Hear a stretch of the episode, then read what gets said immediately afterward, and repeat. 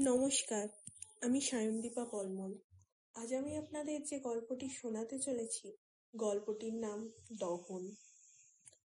রোজ সকালে ঘুম থেকে উঠে বাথরুমের আয়নার সামনে দাঁড়িয়ে ব্রাশ করা মিহির পালের বরাবরের অভ্যেস। আয়নার সামনে কেন দাঁড়ায় সে নিজেও জানে না, কারণ তার চোখ তো এ সময় থাকে প্রায় বন্ধ। যাই হোক, আজকেও নিয়মের অন্যথা হলো না। রোজকার মতো ব্রাশ হাতে নিয়ে আয়নার সামনে দাঁড়াল মিহির পাল। চোখ দুটো আধ বোঝা ব্রাশটা নিয়ে প্রথমবার দাঁতের ডান পাশ থেকে বাম পাশে ঘোরানো মাত্রই মনে হলো যেন জ্বালা করে উঠল গালের ওপরটা। পাত্তা না দিয়ে বাম পাশ থেকে এবার ডান পাশের দিকে ব্রাশটা টেনে আনলো মিহির পাল। জ্বালাটাও যেন আরেকটু বাড়ল। চোখ দুটো এবার খুলতেই হলো তাকে। আর খুলেই একটা আর্ত চিৎকার করে সে ছিটকে গেল কয়েক পা। মেঝেতে বোধহয় জল পড়েছিল। পা স্লিপ করে সোজা গিয়ে পড়ল পায়খানার প্যানের পাশে। বাথরুমের দরজা খোলাই ছিল। চিৎকার শুনে ছুটে এলো বান্টু। দেখল তার বাবা ব্রাশটা বাথরুমের মেঝেতে ফেলে স্বয়ং প্যানের পাশে বসে কাঁপছেন থরথর করে। কি হয়েছে বাবা? এভাবে কাঁপছো কেন? আরে ছি ছি ছি, এভাবে জামা কাপড় পরে প্যানের কাছে কেউ বসে নাকি? ছেলের কথা ঠিকমতো উত্তর দিতে পারল না মিহির পাল। সে শুধু তার কাঁপা কাঁপা হাতটা নিয়ে নিজের গালের দিকে ইশারা করে কিছু একটা দেখানোর চেষ্টা করতে লাগল।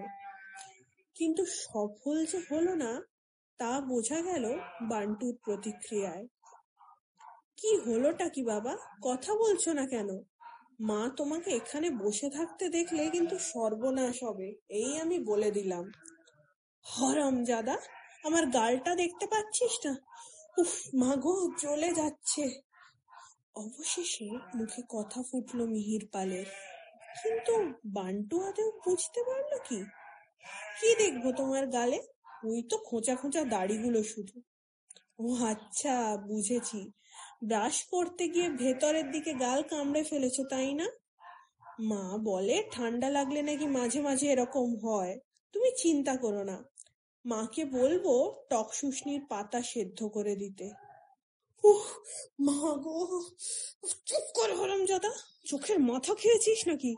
দেখতে পাচ্ছিস না আমার গালটা কেমন হচ্ছে? দেখতে পাচ্ছিস না নাকি কিছু? মা গো। আমি তো কিছুই দেখতে পাচ্ছি না বাবা। কি সব বলছো তুমি? বান্টু বেশ অবাক হলো। বান্টুর মুখ দেখে মিহির পালেরও মনে হলো না যে সে মিথ্যে কথা বলছে। তবে কি সত্যি বান্টু কিছু দেখতে পাচ্ছে না? কিন্তু গালের এই জ্বালাটা যে আস্তে আস্তে গলার দিকে অনুভব করতে শুরু করেছে মিহির। তবুও বান্টুর দিকে তাকিয়ে উঠে দাঁড়াল সে। তারপর মনে মনে সাহস এনে আরেকবার আয়নার দিকে তাকাতেও আগের চেয়েও বেশি শক্তিতে ছিটকে গেল পেছনের দিকে। এইসব কি হচ্ছে? ওরে বান্টু বান্টু রে! মিহির পাল স্পষ্ট দেখতে পেল তার গাল থেকে গলা ক্রমশ পুড়ছে বা বলা যায় চামড়াটা যেন ফুটছে। ঠিক যেমন গায়ে অ্যাসিড পড়লে হয় বান্টু বান্টু বাবা, তুই কিছু দেখতে পাচ্ছিস না?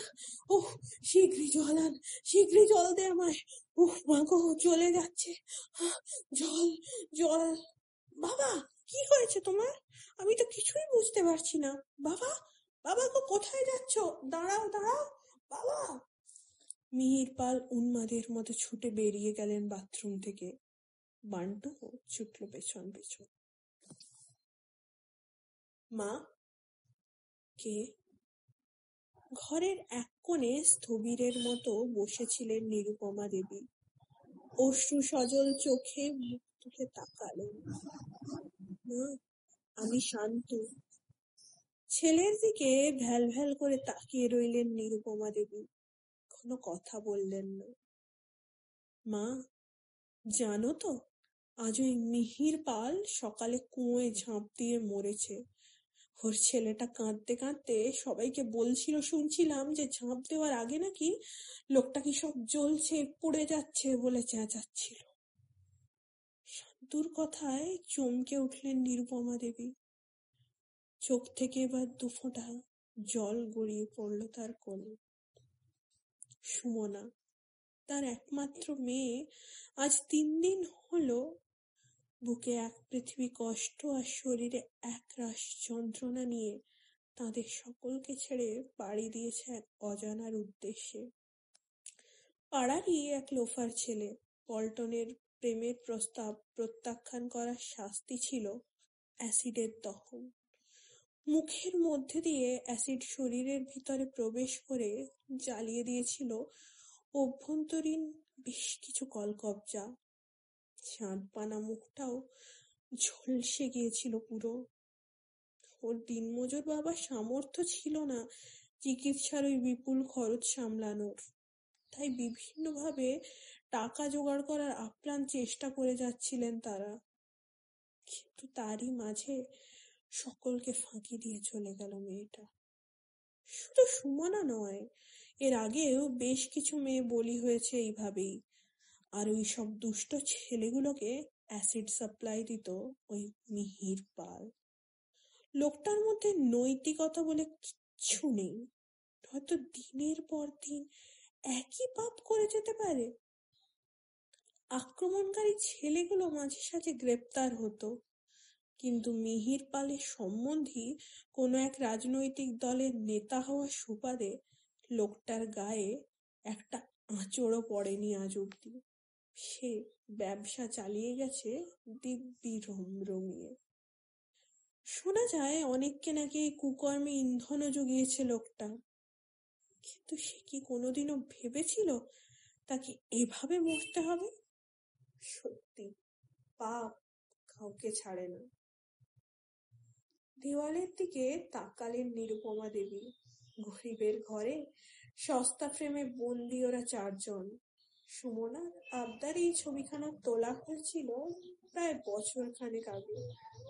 মায়ের গলা জড়িয়ে হাসি হাসি মুখে দাঁড়িয়ে সুমনা। ছবিটা দেখলে সব সময় মনে হয় যেন এই তো মেয়েটা বেরিয়ে আসবে ছবির থেকে, কথা বলবে সবার সাথে। কিন্তু নিরুপমা দেবীর আজ হঠাৎ মনে হলো, ছবিটা আজ একটু বেশি জীবন্ত লাগছে না?